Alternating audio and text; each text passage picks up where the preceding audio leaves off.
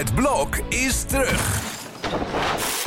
Vier koppels, vier bouwvallen, vier verbouwingen en dus een hele hoop stress. Het blok, iedere werkdag om half negen bij net vijf. Zo doet zij dat, de podcast van Vrouw. Mariket Hart en Sabine Leenhout zijn vrouw-vrouwen van het eerste uur. Maar hoe doen zij het eigenlijk? Nou, ik heb het vanmorgen nog gevraagd aan mijn eh, geliefde of ik dat doe. Maar eh, hij vindt mij geen zeurderige vrouw. We gaan het hebben over zeuren en zaniken. Nee, geen eh zeurderige vrouw? Nee, Vind je dat van jezelf? ja, dat vind ik van mezelf ook. Ik ben geen... nou, ik kan natuurlijk wel eens een beetje zitten, zitten zeiken, zeg maar. Ergens over, maar niet, eh, niet het soort zeurende vrouw eh, ehm, wat ik dan ken van de televisie. Of eh, van die zeurende types eh, die je op verjaardagen wel eens ziet. Weet je, dat die vrouw alleen maar lelijke dingen over die man kan zeggen de hele tijd. Van die... Zitten... Ja, je kent ze wel. Ik Dat- ken ze wel. ja. Ja. Dat ze dan eigenlijk eh, een probleem met hem heeft. Ze vindt iets niet leuk aan hem, aan zijn gedrag. Zeker als er dan andere mensen bij zijn. Dan wordt dat iedere keer zo half zo onder tafel. Of in het hoekje waar de vriendinnen zitten.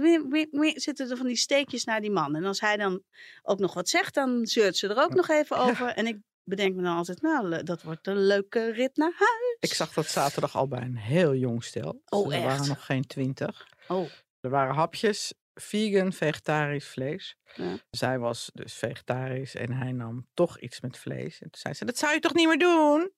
Dacht ik, oh. oh ja.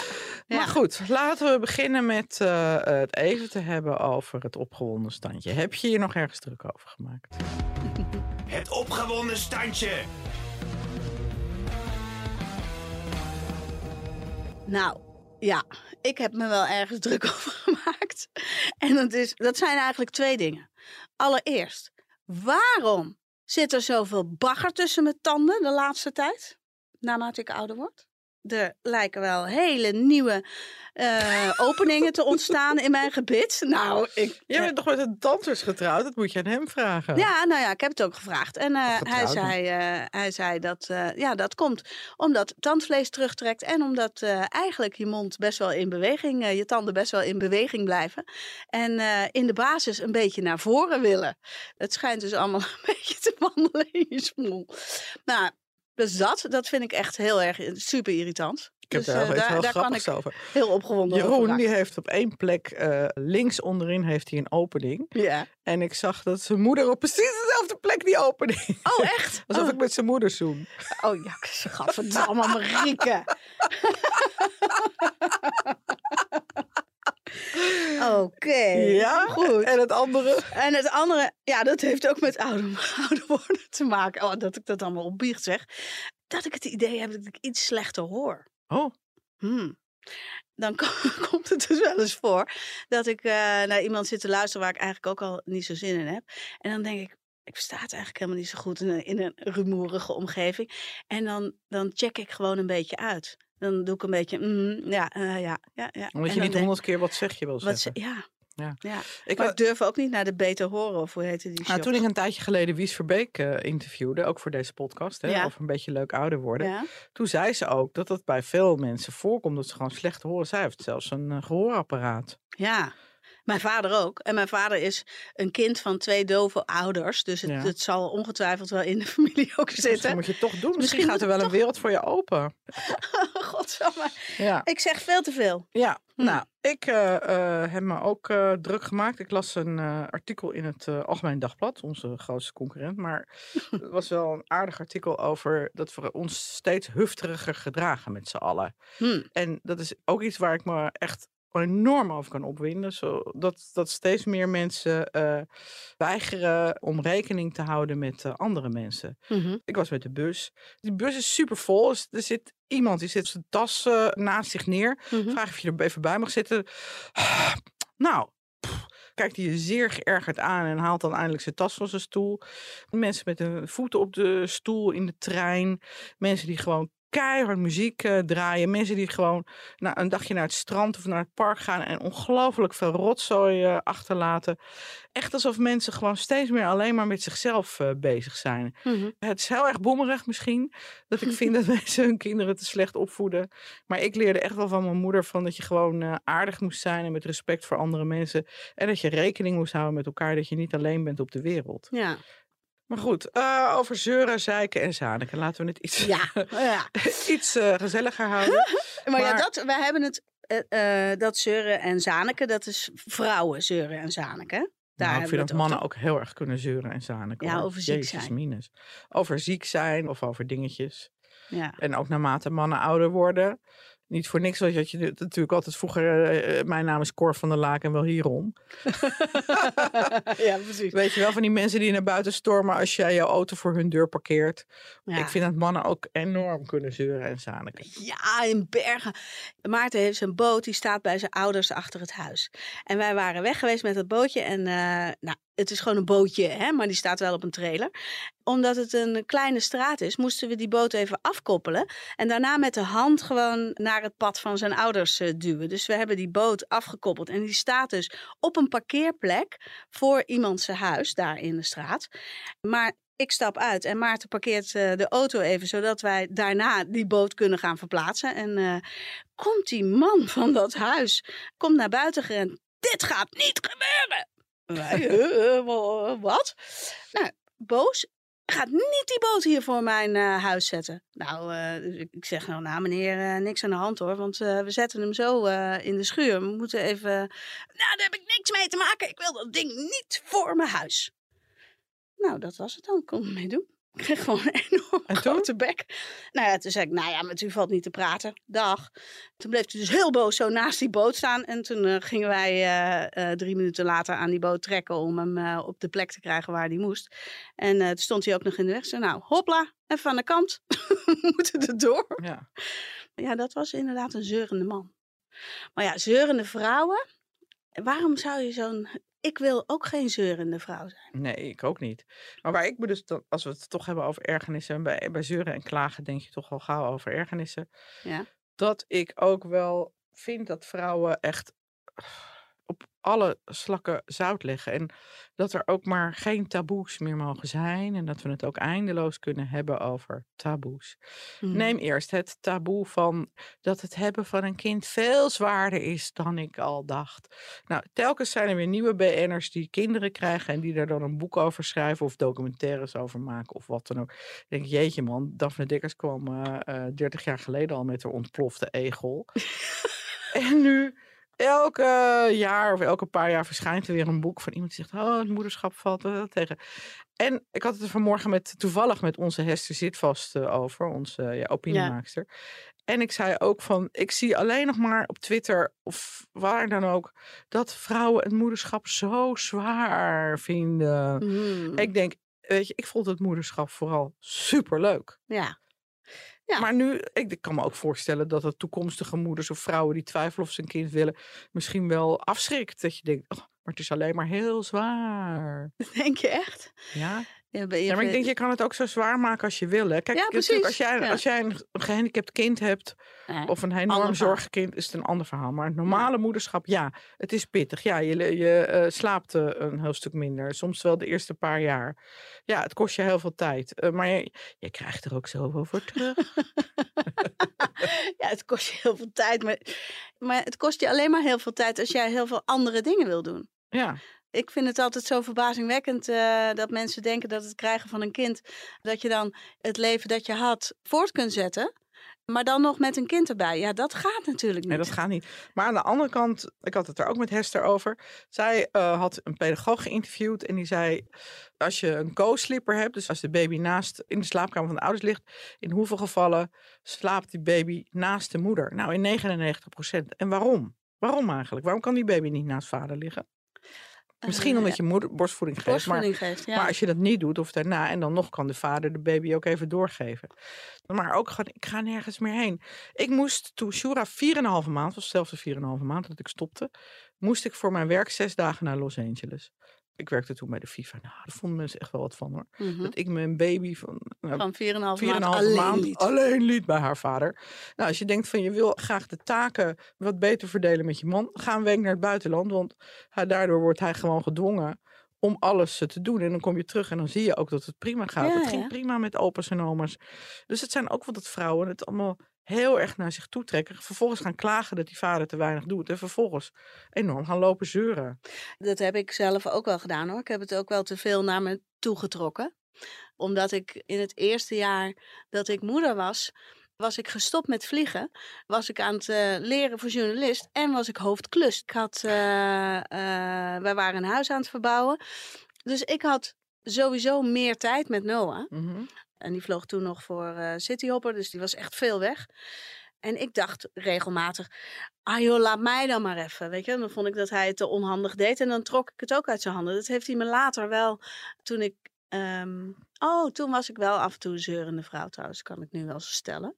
Want ik begon er op een gegeven moment wat van te vinden, dat hij eh, te gemakkelijk zijn eigen ding deed en eh, niet voor onze kinderen zorgde. Mhm. En in plaats van hem dat gewoon eh, in zijn, eh, eh, aan hem over te laten, ging ik daar wat in mijn hoofd van vinden. En ging ik dus een beetje rotopmerkingen zitten maken naar hem, omdat ik vond dat hij te weinig deed. Terwijl ik er dus nu over nadenk, moet ik wel toegeven dat ik ook een zeikert kan zijn. Maar dan blijkt wel, dan zit er dus gewoon iets niet helemaal lekker tussen jou en je partner. Ja, En nee, dat is wel gebleken. wel.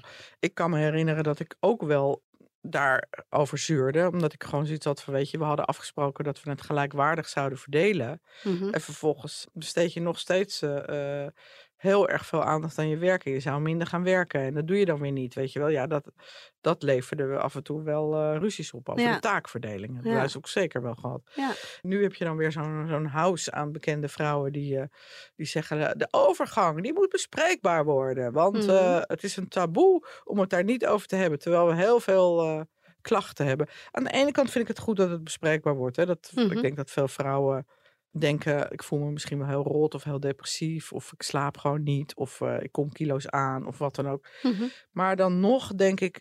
waarom moet je het daar de hele tijd over hebben? Je hebt het toch ook niet de hele tijd over je stoelgang? Daar kan ik ook wel een boompje over opzetten. hoor. Ja, maar dan denk Maar- ik, nou, bespreek het met je vriendinnen of zo. Maar waarom vind je dat je dat In nou de heel... media? Of eh, dat je de boeken over schrijft, of dat je de podcast over Nou, maakt? dat vind ik niet zo erg dat je er boeken over schrijft of het eh, bespreekt in je podcast. Dat is prima, maar mensen roepen dat het de hele tijd een taboe is. En aan de ene kant denk ik van, ik vind dat niet, want hetzelfde geldt voor het moederschap. Het wordt steeds minder een taboe omdat we er steeds meer over praten. Ja, En aan de andere kant heb ik ook zoiets van, je moet er ook niet maar de hele tijd over te praten. veel gewicht aan hangen. Ja, Ik ben het aan de andere kant wel, vind ik het fijn dat er, dat er wel wat meer over gesproken wordt. Want eh, ik heb natuurlijk zelf ook vanaf mijn 45ste geroepen, eh, nou die overgang, weet je, daar ga ik A niet aan doen. En ik ga het er ook nooit over hebben. Eh, totdat ik zelf eh 50 werd en, en mijn eerste opvlieger had. En, en dacht, wat fuck, weet je, dat voel ik me toch anders. En, en dan is het wel lekker om erover te praten, zeker met vrouwen omdat je dan een beetje bijval krijgt en, eh, en vrouwen uit gaan leggen. Ja, nee, er verandert inderdaad wel iets, maar daar kun je ook wat tegen doen. En eh, je hoeft je niet zo te voelen. En, eh, en dat door dat gesprek zo op gang, want dat is nu echt wel de laatste vijf jaar of zo aan de hand. Lees je er meer over, wordt er meer onderzoek naar gedaan. En gaan vrouwen als Dorenda van Dijken en Manon Kerkhoff en zo ook vertellen en, en zeggen: joh, vrouwen, Ja. dit. Eh, Maar ik je me hebt af geen burn-out, je Ja. bent in de overgang. We moeten dit op een andere manier eh, aanpakken. maar mijn Nee? moeder zat 30 jaar geleden ook in een praatgroep van Vido, vrouwen in de overgang. en dan zat ze elke woensdagochtend te praten over vrouwen in de overgang. Alleen eh, toen was het jij er nog niet mee bezig. Nee. Dus toen wist je dat niet. Nee, maar mijn moeder heeft, die heeft er volgens mij tien jaar in gezeten en die liep overal tegenaan daar in Maïze. Daar werd gewoon niet over gepraat. Ik vind het goed dat, het dat we erover praten. En aan de Maar je moet er niet over zeuren. Nee. En ik je moet er misschien ook niet te veel gewicht aan hangen. Dat je er maar in blijft hangen. Weet je wel. Van, oh, ik voel me zo rot, voel me zo rot, voel me zo rot. Ik heb het ook wel eens gebruikt in een interview. Ja. Kreeg, dan moest ik Anita Witsier interviewen en ik had echt een opvlieger, jongen, niet normaal. Dus ik zei, oh sorry, terwijl we daar zaten, ik zat te wapperen. en ik ging ze zeggen, ik zei ja, niet normaal. Ik heb zo'n heftige opvlieger. Wat voor haar meteen aanleiding was om een hele leuke anekdote te vertellen. Dus het, soms kun je het wel ten Ja. goede gebruiken. Daarom zeg ik, het is niet erg om het over te hebben, maar je, moet het er niet de hele tijd over hebben. En je moet er ook Niet over zeiken. niet over zeiken. En Nee. dat heb ik dan ook een beetje met, met mensen die dan pleiten voor menstruatieverlof. Dat ik denk, het is heel vervelend als je veel last hebt van je menstruatie. Heb je er zoveel last van dat je niet kan werken, Ja. dan is het niet normaal. Ga naar je huisarts en laat je eh, eventueel doorverwijzen naar een gynaecoloog. Ja. En aan de andere kant denk ik van ja, er is geen werkgever die een vrouw meer eh, eh, wil aannemen als iedereen elke maand twee dagen per maand menstruatieverlof opneemt. Ja, of langer. Of langer. Ja. Nee, eens. Eens, eens. Oké, nou daar zijn we het over eens. Ehm, vrouwen die, eh, die veelvuldig zeuren in een huwelijk, dat kan eh, echt wel eens tot breuken leiden. Daarom dat eh Goede Liekens een fantastische expert voor ons is nu. Want ze schreef er ook een column over en zij geeft relatietherapie waarin ze ook dat gezeur binnen die relatie probeert te doorbreken. Zij heeft in de Nina, dat is zeg maar een beetje het zusje van Vrouw. Dus een magazine eh, bij het eh, Limburgs Nieuwsblad. Ja. En daarin eh, staat de column Goede Liekens verkondigt de harde waarheid. Vrouwen stop met zagen of ga scheiden. Gescheiden. Nou, We gaan hem bellen. Het schijnt ook dat vrouwen de meeste scheidingen aanvragen. Ja, 80 procent. Ja, ja. Want die zijn het gewoon zat. En die krijgen met hun, hun gezeur, willen ze die man aan hun kant hebben. En dat lukt niet.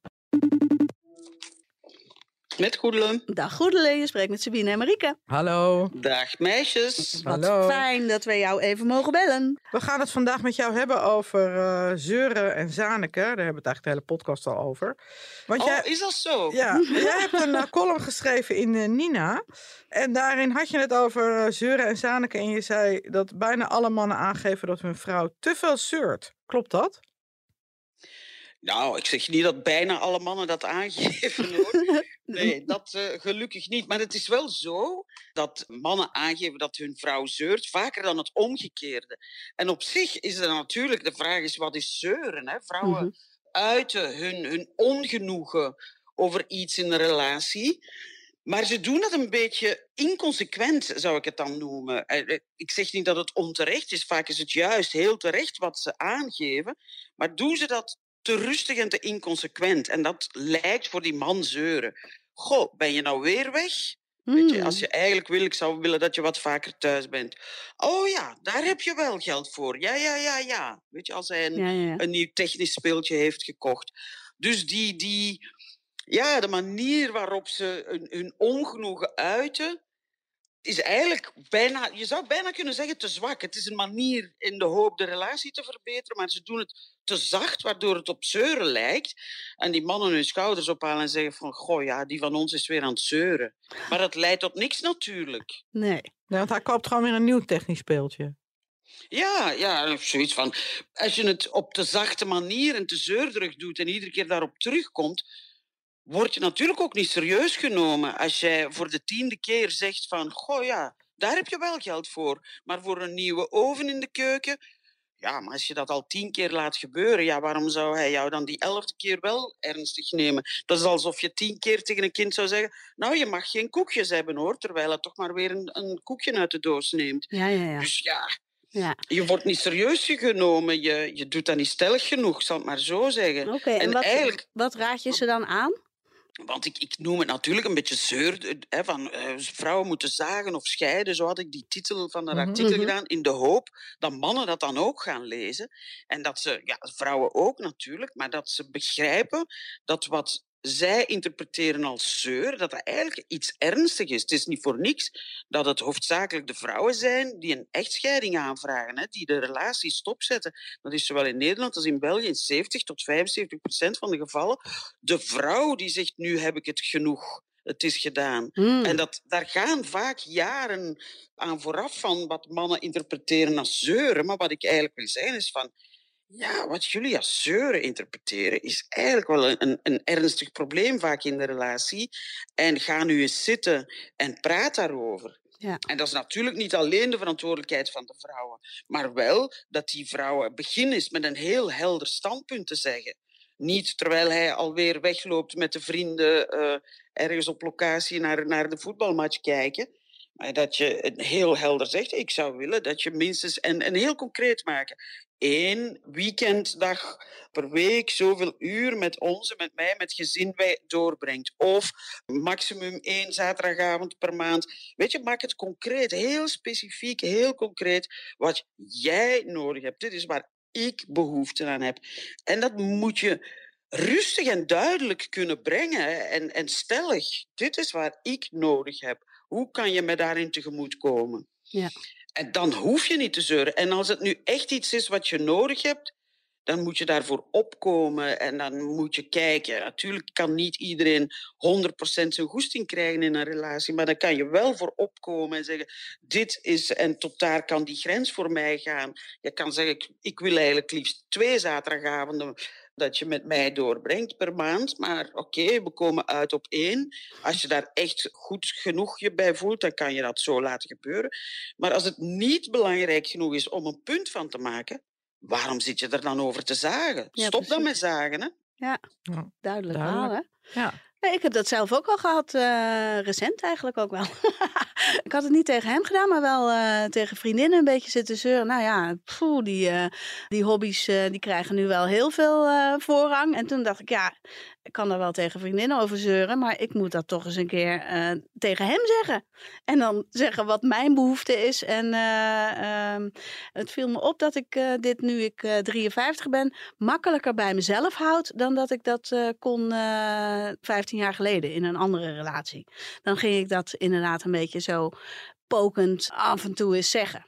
Wat jij, Ja, eh, ja, en dan beginnen je zinnetjes met jij. Ja. Jij bent er nooit. Jij Ja. dit, jij dat. precies. En dat is sowieso al een, een groot kruisteken over als, je, als de zinnetjes met jij beginnen, weg ermee. Hè. Het moet met ik beginnen. Ik heb behoefte aan dit en Ja. ik heb, ja. Ja, nou, En eh, je laat het ook vaak, is dat dan ook niet zo dat je het te ver laat komen, dat je er al drie weken zit in te ergeren? ja, precies. En dan ben je heel kwaad. Ja. Ja, en dan gebeurt er iets. En zijn. dan, zeg eh, je, ben je nu godverdomme weer al weg? Ja, maar dat is ook niet rustig en duidelijk iets vertellen. Hè? En nee, dat is een kwaal die wij Vlamingen heel erg hebben, omdat wij niet, niet geleerd hebben om, om negatieve emoties te uiten. Sowieso minder geleerd hebben om emoties te uiten. Maar zeker niet iets wat, wat, wat moeilijk en, en negatief voelt. Dus we laten het zo ver komen tot we woest zijn. Ja. Mhm. En dan is het ruzie. En dan krijg je ook niks veranderd. Nee. nee, want jij hebt zowel in België als in Nederland relatietherapie gegeven. Zie- je echt een, eh, een verschil tussen eh, Vlaamse en, eh, en Nederlandse cliënten? Ja, absoluut. Ja? Wat, wat, ehm, wat ik net zeg, het, het kunnen praten, het kunnen overbrengen van een, een moeilijke emotie, een negatieve emotie, dat, dat is een, een heel groot verschil. Dat hebben jullie van jongs af aan geleerd. Ja. En dat zie ik ook in, in het zakenleven, om het zo te zeggen, dagdagelijks. Maar wij zijn opgevoed met het idee, oh, ben je boos? Nou, dan ga je maar boven op je kamer zitten en je komt terug als het voorbij is. Mhm.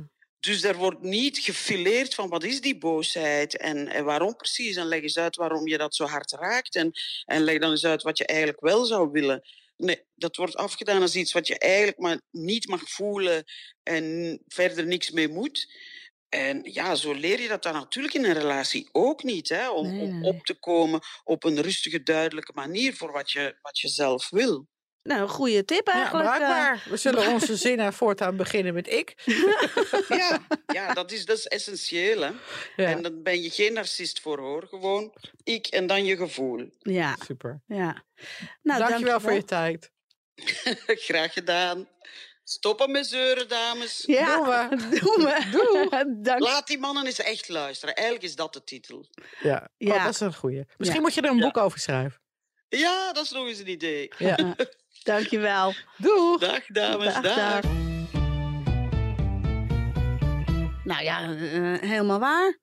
En wederom, dat ze terwijl zij aan het praten is, ik terugdenk naar vorige relaties. En, en dat ik daar ook wel ingegroeid ben. Dus dat Maarten nu zegt dat ik geen zeurende vrouw ben, dat, dat klopt wel.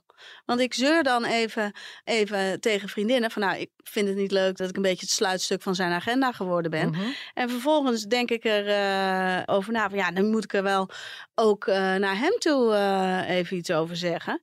Maar vanuit mijzelf. En wat, wat wil ik uit die relatie? En hoe denk ik dat het voor mij beter wordt? Want ik ben er echt wel van overtuigd geraakt dat ik het met mezelf ook heel leuk kan hebben. En eh, dat een relatie met name bedoeld is dat, het, dat zijn leven leuker wordt omdat hij met mij is en andersom ook. En als dat dan niet het geval is, omdat hij het minder belangrijk vindt, ja, dan, dan moet ik mijn conclusies trekken. Dat is niet iets wat hij. Hij kan dus het een beetje aanpassen als hij het belangrijk genoeg vindt. En zo zeg ik dat dan ook. Mm. Weet je wat grappig is? Want mijn eh, vader die was sinds zijn werkende leven psycholoog. Mhm. Dus ik denk eraan terug dat als hij iets met mij wilde bespreken, dan begon hij altijd met ik. Aha. Ja. Ja, dat is dus wel een hele goede. ik zie dat je niet zo heel goed je best doet op school. ja. Nou ja, Ja. Het, is, eh, het is inderdaad een betere manier. Een veel betere manier van communiceren, want je houdt het inderdaad bij jezelf. Ja, dan kan hij nog steeds natuurlijk zeggen van, eh, ja, maar ik wil wel eh, elke zaterdagavond met mijn vrienden doorbrengen. Ja, maar dan omdat ik gezegd heb, ik heb dit en dit nodig. Ja. En ik heb die houding in de relatie nodig. En als hij dan zegt, ja, maar ik wil gewoon zeven dagen per week eh, eh, dingen zonder jou doen. Ja, dan kan ik persoonlijk mijn conclusies trekken. Tuurlijk. Ja, hoe, hoe jammer dat dan ook eh, zou kunnen zijn. Ja. Maar ja, omdat we het hier over gehad hebben en hij ook zei, ja, maar ik wil wel liever met jou blijven. Maar dan moet je er rekening mee houden dat als je dan al zoveel tijd weg bent en daarna dan het, het volgende dingetje weer plant, dat er dan misschien ook een dag bij moet zitten dat jij iets met mij doet. Maar Ja. dat moet je wel zelf willen. En als jij dat zelf niet wil, ja, dan herijken we die eh, relatie, toch? Ja. Ik heb het ook wel met een Ja. vriendin gehad die dan ook inderdaad verweet van, jij besteedt altijd zo weinig aandacht en tijd aan mij. Ja. Dat ik ook zei, je zou het ook anders kunnen brengen en zeggen van, hé, hey, ik zou het heel leuk vinden om je te zien. Zullen we iets gezelligs gaan doen samen? Ik zei dan, dan zeg je eigenlijk hetzelfde, maar dan op een veel positievere manier. ja, precies. En dan voel ik me niet rot na het gesprek. Ja. In de rubriek Zo doet hij dat laten we de man aan het woord, zodat Mhm. wij een inzicht kunnen krijgen en een mannelijk perspectief op dit eh, onderwerp. Nou, we hebben Jelle Hermes en hij heeft een eh, boek geschreven en dat heet Steeds Leuker. Een handboek naar een leven vol vrijheid en blijheid. Dus zonder gezeur. Laten we luisteren wat hij over dit onderwerp te zeggen heeft. Zo doet hij dat. Superleuk dat jullie ja, mij vragen hoe ik dat nou aanpak om minder te zeuren. En ik heb daar een aantal jaar geleden eh, echt een project van gemaakt om zeuren te verminderen en positiever naar het leven te kijken. En er zijn eigenlijk twee belangrijke inzichten die, ik, eh, ja, die voor mij eh, heel veel verschil hebben gemaakt. En dat is om te beginnen om mezelf niet als slachtoffer te zien, maar te leren om de situatie zoals die is te accepteren zoals die is. En voor mezelf te onderzoeken waar heb ik controle over en welke dingen eh, ja, liggen buiten mijn controle. En de dingen die buiten mijn controle liggen, die kan ik gewoon leren loslaten. Gewoon laten gaan. En de dingen waar ik wel controle over heb, die kan ik stapje voor stapje gaan aanpakken. En dan doe ik dat het liefst in kleine praktische stappen, zodat ik het niet uitstel, het niet voor me uitschuif en het allemaal niet zo overweldigend en moeilijk voelt. Ja, dat zorgt er gewoon voor dat je heel snel kan stoppen met zeuren en gewoon kan overschakelen naar in actie komen. En een ander ding wat gewoon ontzettend goed werkt om minder te zeuren, is mijn aandacht te verplaatsen naar de dingen waar ik dankbaar voor ben. Eh, mijn aandacht verplaatsen naar de dingen die wel fijn zijn in mijn leven, dingen die ik waardeer, dingen die positief zijn. Want wanneer ik dat begin te doen, dan begint mijn hele brein te zoeken naar een heleboel dingen om dankbaar voor te zijn. En dankbaarheid is gewoon een hele simpele, maar prachtige emotie die ervoor zorgt dat je direct gelukkiger wordt. Je kunt niet ontevreden en gefrustreerd voelen en tegelijkertijd ook dankbaarheid ervaren. Dat kan niet. Dus wanneer ik bewust dankbaarheid oproep in mijn leven, dan verdwijnen eigenlijk alle redenen om te zeuren in dat moment direct uit mijn bewustzijn en voel ik me gelukkig en blij en loopt het leven weer als een zonnetje. Nou, En wat vind je ervan? Nou, halleluja, denk ik. nou, maar wat ik, eh, daar hebben we het nog niet over gehad. Wat ik, eh, wat inderdaad het meest vervelende soort zeuren is, een beetje negatieve vrouwen. Die snel slachtoffer worden van eh, eh, in hun eigen leven. Ja. Ik ken ook wel een paar van die mensen die dat gewoon veelvuldig doen. En ieder verhaal dat ze vertellen, daar zit een negatieve lading aan, omdat er Of het weer was net niet goed genoeg. Ja. Of het eten was net niet lekker genoeg. Of de mensen met wie je op dat feestje stond waren net oninteressant eh, eh, op dat moment. Of bla bla bla bla bla. Dus dan komt er een heleboel woorden en een beschrijving van een dag. En daar, van de tien dingen die ze zegt, zijn zeven dingen negatief ingestoken. Ja, heel negatief. En ook Ja. op een hele negatieve manier naar eh, dingen kijken. Dus het glas is altijd half leeg. Ja, Ik kan een beetje slecht tegen winter. Hè? Dus eh, eh, ik kan wel echt in het najaar, zo oktober, november, december tot januari. En december valt meestal mee, omdat het wel gezellig is. Maar ik kan wel echt zoiets hebben. Jezus, die- oh, ik ga in het donker naar mijn werk. Ik kom in het donker thuis. Het regent Ja, ja. alweer. Het is niet echt koud, maar het is wel drie graden. En het regent en het waait. En gadverdamme. En waarom woon ik toch in Nederland? En ja, ik ben toch zo zielig dat ik in Nederland ben geboren. En eh, kutwinter. En nou ja, dan helpt het inderdaad om leuke dingen te gaan doen. Om te denken, oh ja, nou, ik ga lekker naar de bioscoop. Of ik ga eh, naar een theatervoorstelling. Of eh, afleiding zoeken in leuke dingen. En dan inderdaad denken van, nou ja, het is inderdaad al dagen rot weer. Maar jeetje, wat had ik een leuk weekend met leuke mensen. precies. Voor een open haard. Ja. Die kan in de zomer ook niet aan. Nee. Ja. Dus dat, dat omdraaien, dat... eh, ja, die, eh, eh, heet die, Jelle? Dat daar heeft een hij zeker een, eh, dankbaarheid. eh, zeker een punt in. Ik stak hem een beetje religieus in, dus ik dacht even, oh, hij zit er op zijn knietjes te danken. Maar eh, die emotie, die dankbare emotie, die, eh, ja, die, Als je die- inderdaad gaat denken van, nou ja, dit is is wel een beetje Ja. rot. Maar wat is er dan allemaal wel leuk? Hey, en wat vind jij eh, van het gezeur over lichamelijke ongemakken? Noem eens wat. Nou, echt van die pijntje hier, pijntje daar, mensen. Oh, pijn in mijn schouders, Oh ja, pijn in oh mijn ja. nek.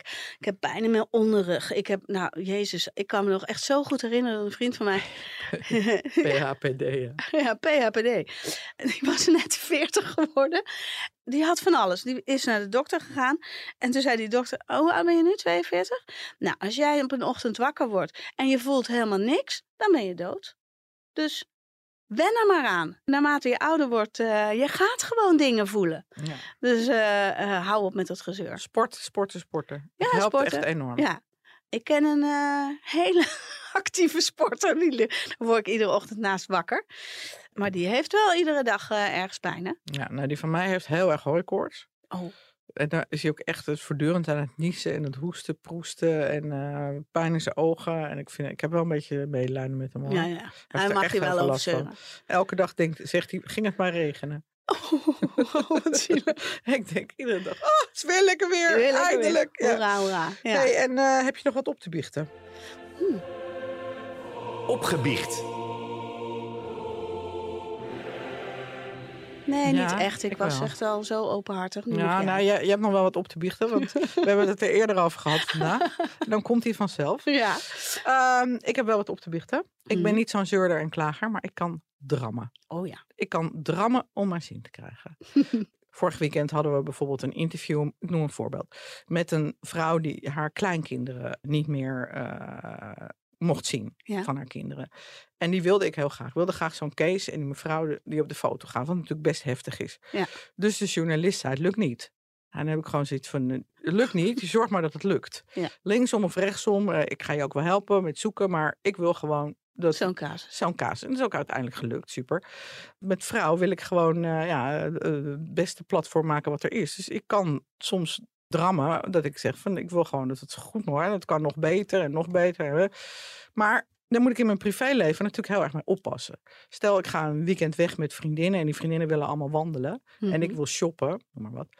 Ja, dan eh, zeggen ze, ja, nee, we gaan leuk wandelen. We gaan een leuke wandeling hebben gezien van 15 kilometer. Ik denk, gadverdamme. En dan, en maar dan, in mijn hoofd weet ik dat ik me neer moet leggen met wat de meerderheid wil. Mhm. Maar desalniettemin kan ik dan tot irritatie van sommige vriendinnen toch wel een beetje gaan doen. Ja, maar het is wel leuk om te shoppen. Ik moet mezelf toch soms wel een beetje tot de orde roepen dat ik zorg dat ik niet dram. Ja, ja daarop voortbordurend. Ehm, kan ik ook wel, als ik er echt van overtuigd ben dat ik gelijk heb, dat ik ergens gelijk in heb, dan wil ik dat gelijk ook wel halen. En dan kan ik eh, net zo lang doorgaan totdat ik dat gelijk ook heb. Als je dan niet met de juiste argumenten komt. En dan kan ik op een gegeven moment wel zeggen, nou ja, dan let's agree to disagree. Maar ik vind wel dat ik gelijk heb. Ik, ik, ik heb dan wel het laatste woord eh, eh, daarin. En daar kan ik best volhardend in zijn. ik weet niet of dat heel drammerig is. Maar ik ben wel als mensen redelijk inschikkelijk, hè? Je kunt makkelijk met mij omgaan, want ik, Ja. ik, het boeit me gewoon niet zoveel eh, de helft van de tijd. Dan kan ik heel makkelijk met iedereen omgaan. Wij zijn toch ook wel eens met elkaar op vakantie geweest, eh, eh, de laatste vakantie, Ja. met, met kinderen bij. Nou, drie stevige vrouwen die gewoon weten wat ze willen. En toch kunnen we heel makkelijk met elkaar op reis, omdat we, weet je, het maakt ons niet zoveel uit. We gaan niet op onze strepen staan, dat doen we alle drie Nee, niet. nee, dus dat ging echt supergoed. En er wordt niet gezeurd en, eh, oh, nou ja, nee. En we gaan niet eh 15 kilometer wandelen. Niemand wilde 15 Niemand. kilometer wandelen. Nee, dat wilde ook helemaal niemand. dat is dan wel fijn, ja. Dus ja, dat scheelt, ja. Ja, leuk. ja. Tot slot, waar moeten we naar kijken deze week? Oh, ja. De Zo Doet Zij Dat kijktip. Ik heb een hele leuke. Ik heb op eh, Prime, eh, is dat, heb ik eh Air gekeken. Ja. En dat is geregisseerd door Ben Affleck. En eh daar speelt zijn buddy eh Matt Damon eh, speelt de hoofdrol eh, daarin. En dat gaat over eh, de samenwerking tussen Michael Jordan en Nike. En dat is dus eh, vanuit de tijd dat Nike nog maar... Nou, ik geloof 17% van het marktaandeel eh, in sportschoenen had, eh, eh, midden jaren 80. En hoe die samenwerking met Michael Jordan tot stand kwam en welke mensen daar heel belangrijk in geweest zijn. Echt super mooi film. Oké. Ik vond het echt een interessante, leuke, beetje documentaire-achtige film, maar wel, wel echt een, met een begin en een eind. Ja. Heel leuk. Elke dinsdagavond bij RTL en op Videoland. eh, dat heet De Moeite Waard. Ja, En het zijn uh, Tel Beckhand en uh, bouwexpert Bob Sikkers, die we allemaal kennen van uh, Kopen zonder kijken. ja. Die volgen stellen, en dat kunnen stellen zijn, maar ook een moeder en een zoon en een vader en een dochter hebben we al gehad. die um, een pand kopen, ja. het vervolgens flippen zoals ze dat noemen, en dan gaan verbouwen en dan hopen met winst te kopen, verkopen. Verkopen, ja, En dat, dat is, flippen, Ja, toch? dat is flippen, ja. En dat is natuurlijk super spannend om te kijken of dat lukt. Bij de een lukt het wel, bij de ander lukt het niet.